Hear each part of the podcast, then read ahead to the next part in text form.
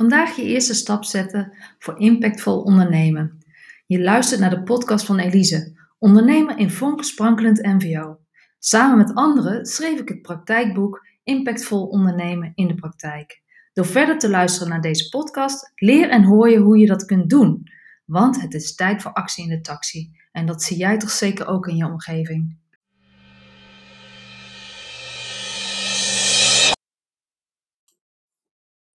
In deze laatste podcast van dit seizoen heb ik Aniek Smeddes, trainer, coach, matchmaker en eigenaar Sustainable Talent in de studio.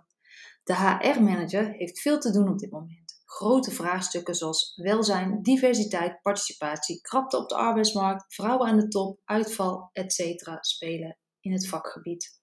In het boek Impactvol ondernemen in de praktijk sluiten we aan op het meervoudige waardecreatiemodel, waarbij HR vooral ingaat op de menselijke en sociale waarden.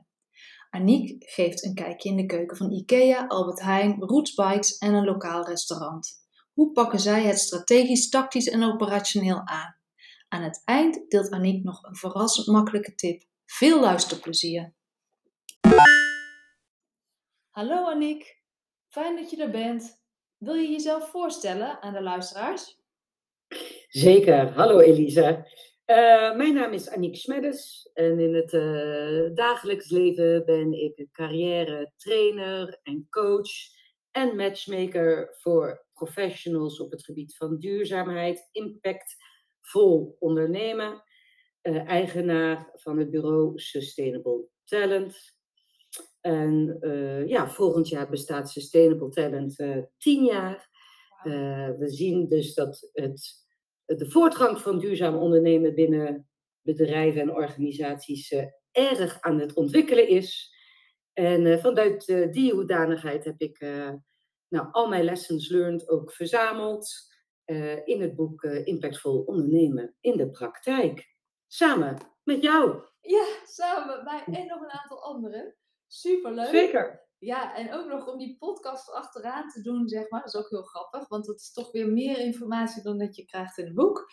Dus ja. meer over wat, wat ons allen drijft en hoe, wat we zien. En uh, nou ja, allerlei leuke voorbeelden. Dus dat nou, vind ik gelijk een mooi bruggetje naar de volgende vraag van mij. Van, uh, uh, even beknopt eigenlijk. Wat staat de HR-professional te doen in deze tijd, Aniek? Ja, goede vraag natuurlijk. En dat was ook zo wat mij boeide om uh, eigenlijk deze vraag centraal te stellen.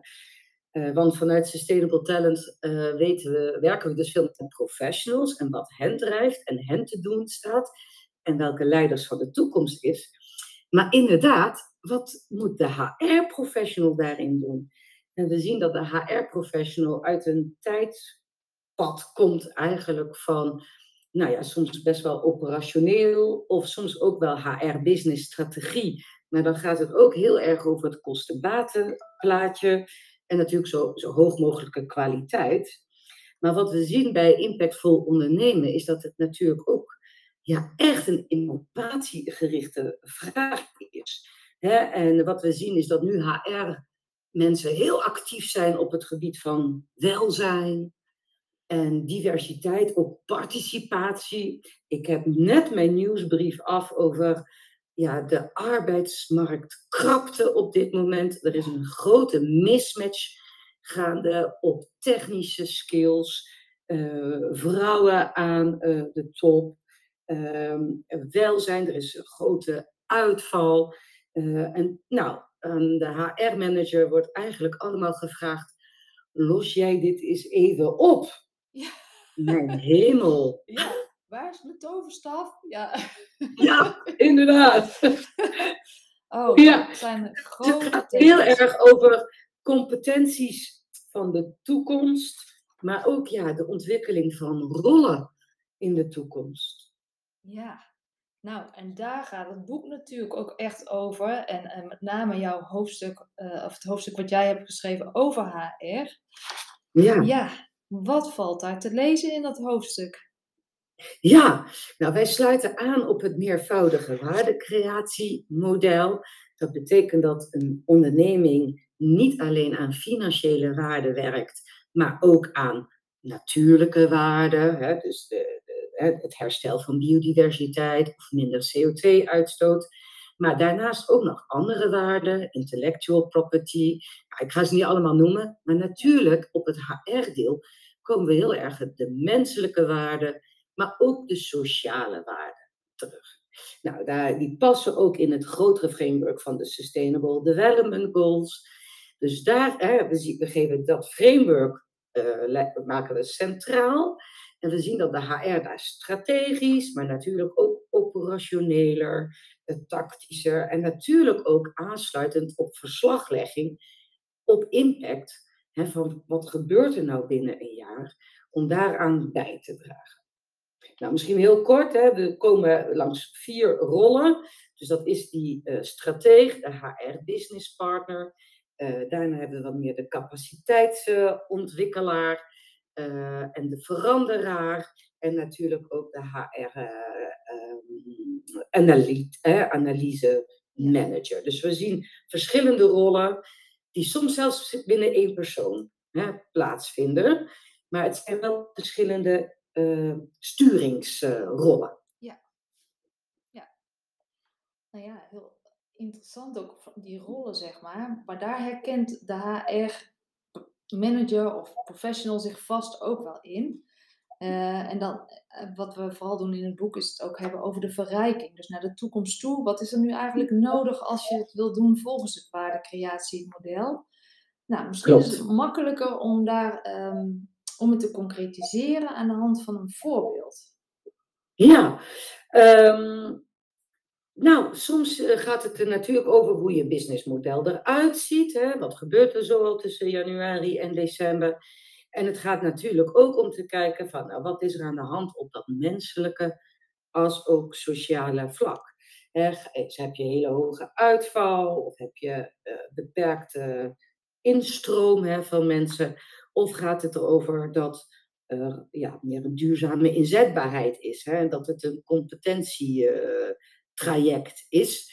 En daarop zou je kunnen verrijken door nou, te kijken. En soms is het inderdaad heel simpel en verrassend dichtbij. Dus dan gaat het over, hebben we young professionals nodig die uh, nou, de skills van de toekomst hebben en die dan intern een soort uh, aanjagende functie kunnen hebben.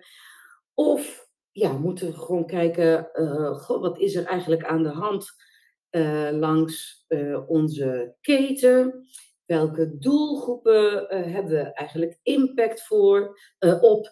En dat kan op vestigingslocatie zijn in je eigen land of bij leveranciers. Welke doelgroepen zijn daarin betrokken? Is het niet op een makkelijke manier te kijken hoe we ze kunnen laten nou ja, deelnemen of meer positieve impact brengen dan waar we misschien nu op zitten. Impact hebben we sowieso. Het gaat erover dat we het in kaart brengen. Is het negatief of is het positief? En op welke manier is het dan te versimpelen? Misschien een heel leuk voorbeeld. Uh, Albert Heijn, die heeft ook een integrale wens om te zeggen, nou wij willen meer diverse doelgroepen aan kunnen nemen. En een hele simpele manier hoe ze het doen, is dat Albert Heijn is natuurlijk al aanwezig in alle wijken. En ze nemen dus mensen aan uit die wijken. En zodoende garandeer je eigenlijk al diversiteit. En het is meteen ook een weergave van de wijk. Je bent ook een lokale arbeidsgever. Heel simpel. Heel mooi. Ja, nou ja, ik, ik moest zelf nog even denken aan Ikea, maar ik kan het niet zo snel terugvinden. Ja. Dat is Ik kan hem wel vertellen. Ja, ja. Heel leuk. Ikea heeft natuurlijk al dat ze uh, ook vanuit Zweden al veel waarde op kwaliteit en versimpeling hè, voor de consument in uh, kaart brengen. Dat, dat is het hele idee achter Ikea. Hè. Bouw je eigen meubels en word eigenaar van de meubels. Uh, nou, hebben ze dus ook heel erg gekeken hoe kan een vestigingsmanager kijken naar is het makkelijk voor onze consument als hij in, in onze vestiging is om afval te kunnen scheiden.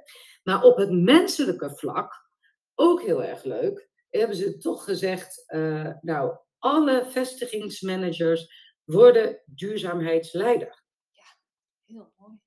Dus in plaats van dat je een optimalisator bent op de kosten en baten en resultaat, krijg je gewoon een duurzaamheids-KPI dat is in het leiderschapsprogramma zo ingericht.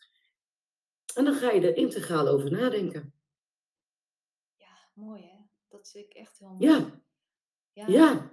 en, ja, ik moest ook op menselijk vlak, maar dat, dat kon ik dus niet zo vinden. Ik me- meen te herinneren als je een eh, nou, operatie hebt omdat je van eh, gender eh, wil wisselen. Of, ja, nou ja, dat, Oh, dat heeft deze week in, Ja. de, in de krant gestaan. Maar ik heb het niet goed gelezen nog. Nee, Ja. nou ja, in ieder geval, dat, dat dachten we, oh ja, wat mooi, weet je, dat daar ook aandacht voor, voor is.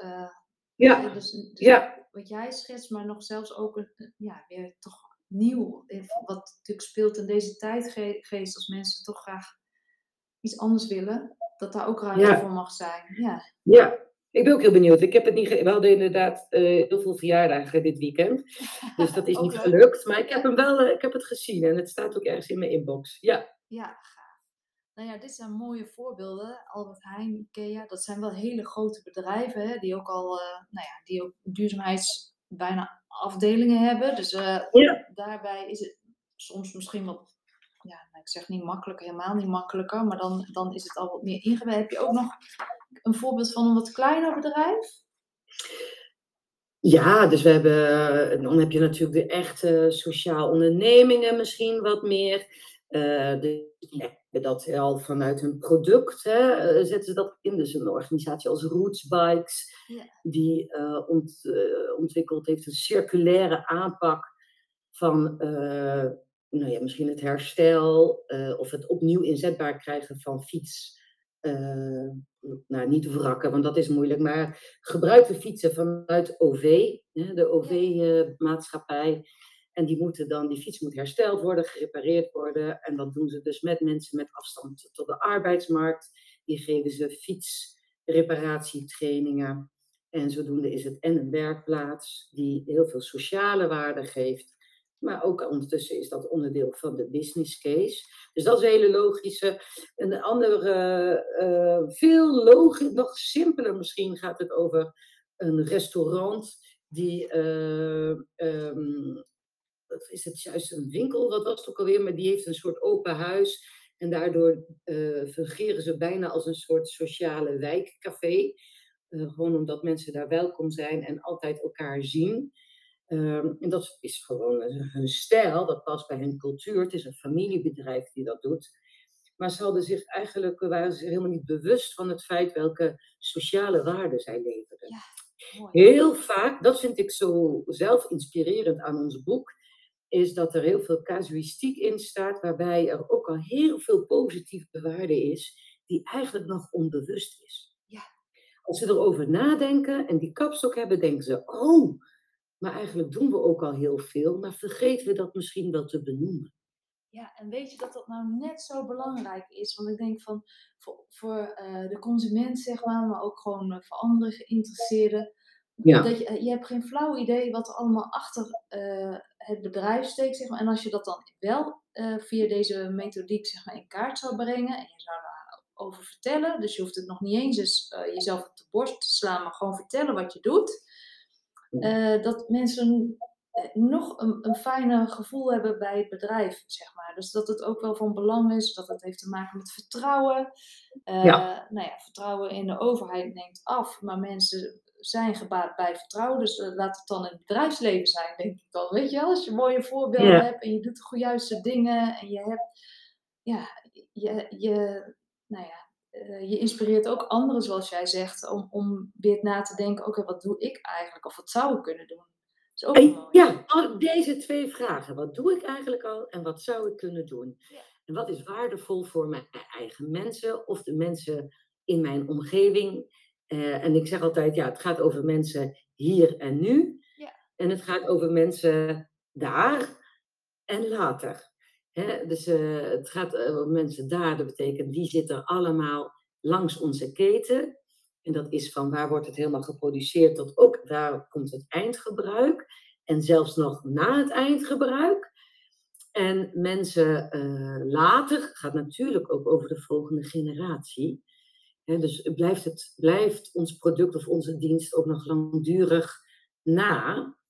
En, en is dat heeft dat dan een negatieve impact of heeft dat een positieve impact? Daar kun je, dat, eerst het daarover bewust worden is stap 1. En dan inderdaad daar de gesprekken over is stap 2. En dan nadenken welke, of de vraag stellen wellicht welke impact kan verbeterd worden, is inderdaad stap 3. En wat ik heel leuk vind, want jij zit natuurlijk ook vanuit je marketing- en communicatieachtergrond, zeg je ook, ja, het levert heel veel waarde op. En wat ik ook leuk vind, is dat die waarde uh, is bijvoorbeeld ook voor HR-managers heel belangrijk. We weten dat investeerders kijken ook heel erg naar nou ja, de niet harde data om te investeren. veel meer dan vroeger. En reputatie is daar een hele belangrijke in. Maar ook het, ja, de borging van het leiderschap. En dat is niet alleen de CEO, maar het zit ook de leiderschapssystemen, het MT, de cultuur. Daarin zit ook uh, het leiderschap. En doordat we weten in welke mate investeerders dat hard vegen, worden dat ook harde business cases. Ja. En ik denk dat dat is ook wel mooi, zeg maar, om, om te bedenken hoe je nou zachte data hard kan maken. Het hoeft helemaal niet altijd cijfermatig te, te zijn, maar dat kan ook of met meer en minder, of met uh, een, een, vorm van groei, of een metertje, of... Uh, ja, een ranking. Ja, een ranking. En ik denk echt van, uh, daar is ook nog een hoop. Want dan kan je er gewoon, dan wordt het voorstelbaar. Dat is zo'n mooi woord wat Jan gebruikte in de vorige podcast. Als zaken voorstelbaar ja. worden, dan wordt het voor mensen ook makkelijker om zich daar iets bij in te beelden. En daar misschien ook wel naar te gaan handelen als het hen aanstaat. Weet je, dat is denk ik ook een belangrijke. Zo is het. Ja, Zeker. mooi. Hey, en uh, wat ik nog wel leuk vind, want zo ken ik jou ook als een echt mensenmens. Dus dit is ook echt wel jouw ding, mhm. toch?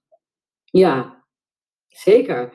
Ja, mijn drijfveer is altijd eigenlijk de mensen op de juiste plek uh, ja, kunnen laten shinen. Ik weet niet of jij dat weet, maar vroeger ben ik DJ geweest. Ja, joh, natuurlijk weet ik dat. Ja, en als DJ ben je ook eigenlijk dienend hè, om mensen te laten shinen op de avond van hun leven. Maar je bent wel heel erg bezig, en daar ben je ook leider in, om de juiste ja, middelen in te zetten. En dat is van, nou, welke muziekcollectie is er, maar ook aan de knoppen te draaien. Ja, dat vind ik ook wel een mooi vergelijk naar het, naar het bedrijfsleven of de rol die jij hebt of de rol die ik heb. Dat is eigenlijk precies hetzelfde. Weet je, daar gaat het ook ja. om. En, en uh, de, misschien wel zelfs om de mensen op de juiste muziek, op het juiste moment uh, in dezelfde richting te laten dansen, bij wijze van. Juist. Om, uh, om, Juist. om, die impact te behalen. Dat gaat toch echt wel om ja, een gemeenschappelijkheid, een collectief ja. en, en plezier maken. En, ja. ja. dus mijn rol, hè, als ik zelf als adviesbureau, dan zit ik, ja, wij zitten heel erg in die capaciteitsveranderaar. Ja. Wij zijn zelf niet misschien eh, de beste HR-analyticus. Maar uh, die capaciteitsveranderaar, daar hebben wij heel veel ideeën in. En daar zijn we dus inderdaad al tien jaar mee bezig. Ja. ja. Hey, en um, nou, we hadden het net al heel eventjes over samenwerken, zeg, zei je al, hè, van uh, de, de, de boring van leiderschap, systemen, MT, cultuur, daar zit ook, daar zit ook heel veel samenwerking uh, in. Hè? Ja. Um, ja, wil je daar nog iets over zeggen? Of over de bevordering uh, van samenwerking bijvoorbeeld met andere rollen en disciplines? Welke rol speelt HR erin? Of, of, of hoe, hoe, kunnen we dat samen oppakken? Ja, wat ik uh, zelf heel erg leuk vond in het maken van het boek, en we hadden daar ook wel vaak pittige discussies over, juist vanuit onze rollen. Uh, hè, van nou, waarin zit de verbinding en de verwaarding? Hoe komt dat bij elkaar? Uh, want we vinden natuurlijk allemaal ook de rollen waarvan we uit hebben geschreven, vinden wij zelf ook heel, belangrijk. Maar daar aan het eind, hè, dus dat je in het boek ook heel goed kunt lezen van ja, hoe werkt het nou in de afstemming echt op MT-niveau? Uh, eh, en als je dan die waardecreatie, of misschien nog per ongeluk de waardevermindering, hè, want misschien is er nu ook nog wel waardevermindering plaats in de huidige realiteit. Oh, ja. als, als je die, eh, stel dat zou nog nu nog kunnen gebeuren, hè, we vernietigen uh, hè, materiaal of, of, of er is een uh, grote burn-out golf gaande, hè, dan zijn we nog juist nog niet goed bezig.